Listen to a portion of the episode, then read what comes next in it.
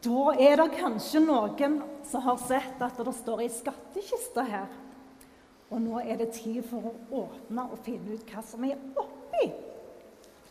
Ops, det ramla låget av.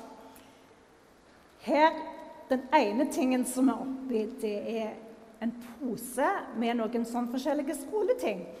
Og De som skal begynne på skolen, de har fått invitasjon i posten, så de skal få komme fram og få det. Men det er helt på slutten av gudstjenesten, så når det skjer, da er det nesten slutt.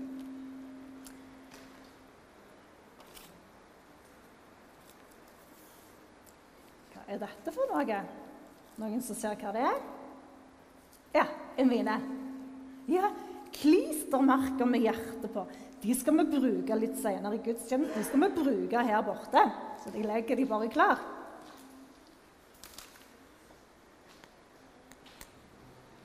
Og så var det litt kjekt å se at dere som begynte på skolen, hadde lært dere sånn.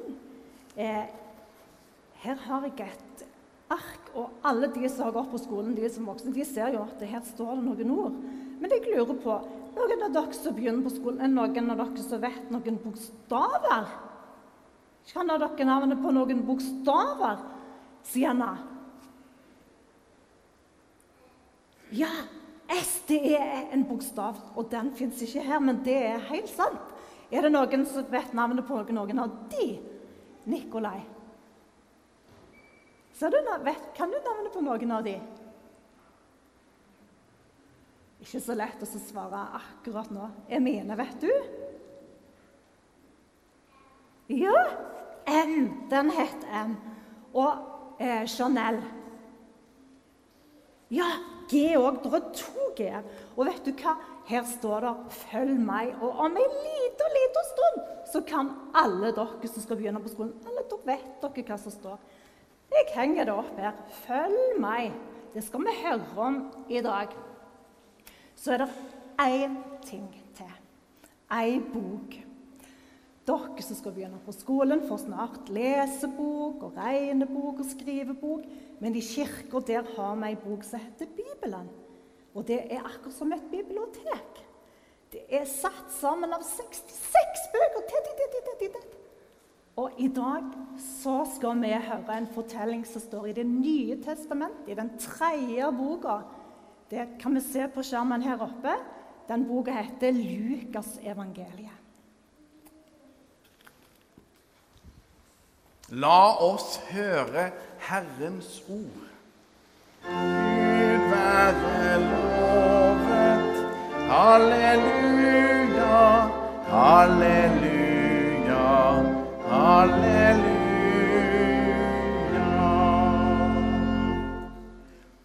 Det står skrevet i evangeliet etter Lukas. Og Det var altså den tredje boka i Nytestamentet. Jesus fikk se en toller som het Levi. Han satt på tollboden. Jesus sa til ham, 'Følg meg.' Og han reiste seg, forlot alt og fulgte ham. Levi holdt et stort selskap for ham hjemme hos seg og en hel del tollere og andre var sammen med dem til bords. Fariseerne og de skriftlærde blant dem murret og sa til disiplene.: Hvorfor spiser og drikker dere sammen med tollere og syndere? Men Jesus svarte dem. Det er ikke de friske som trenger lege, men de syke. Jeg er ikke kommet for å kalle rettferdige, men syndere til omvendelse.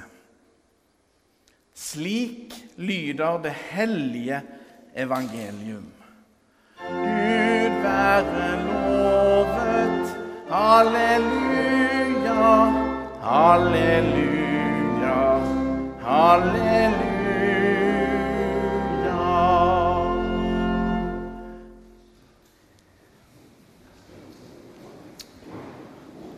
Han der Levi, som vi kjenner best som Matteus, som ble da en av disiplene, de tolv disiplene til Jesus.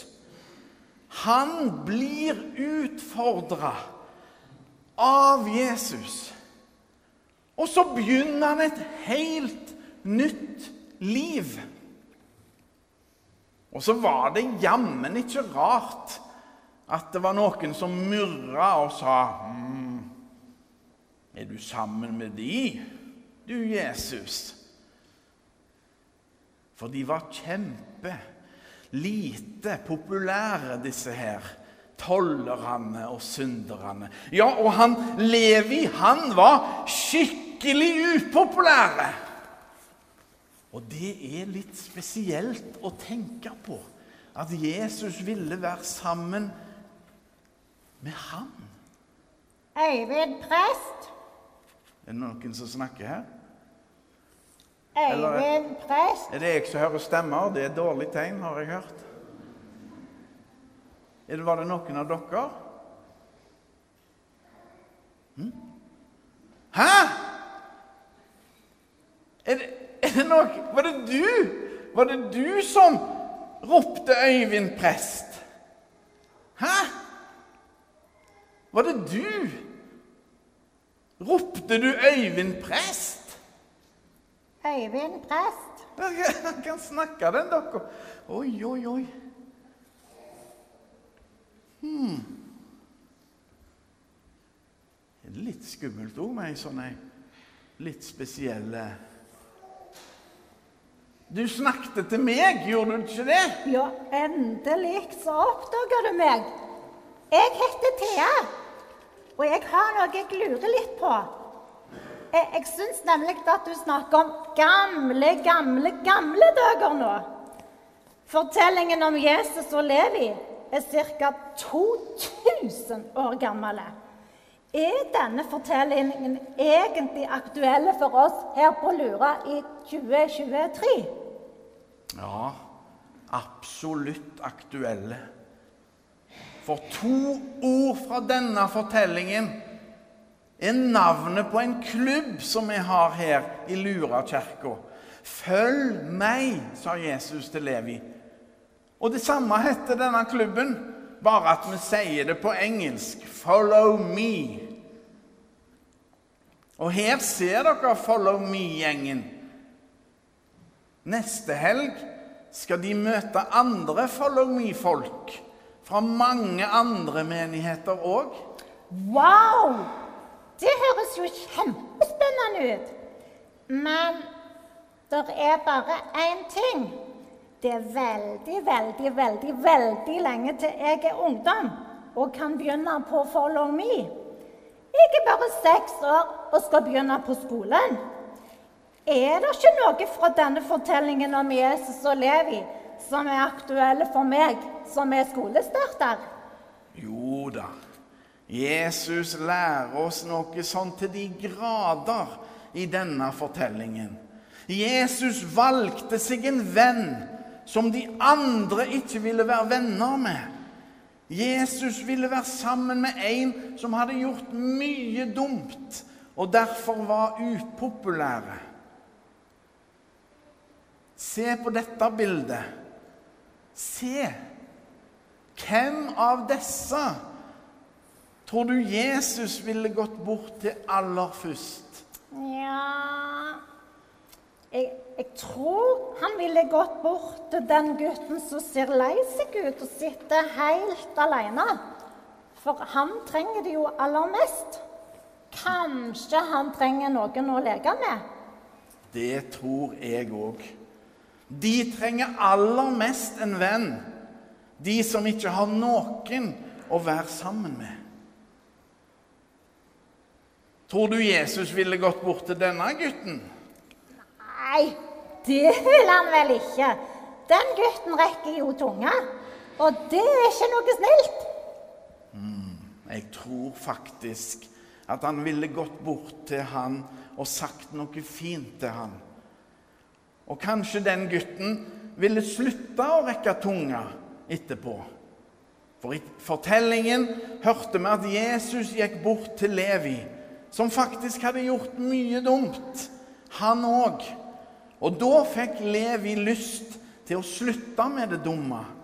Han ble påvirka av sin nye venn Jesus.